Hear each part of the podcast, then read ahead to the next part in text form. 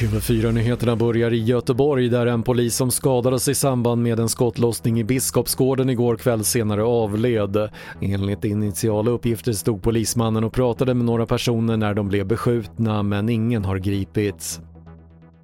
Över 700 företag och privatpersoner har anmälts för fusk med coronastöd, rapporterar SR.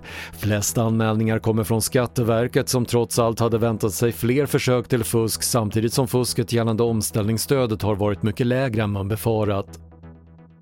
För andra dagen i rad har Ryssland registrerat fler dödsfall kopplade till covid-19 än tidigare och igår noterades 669 avlidna.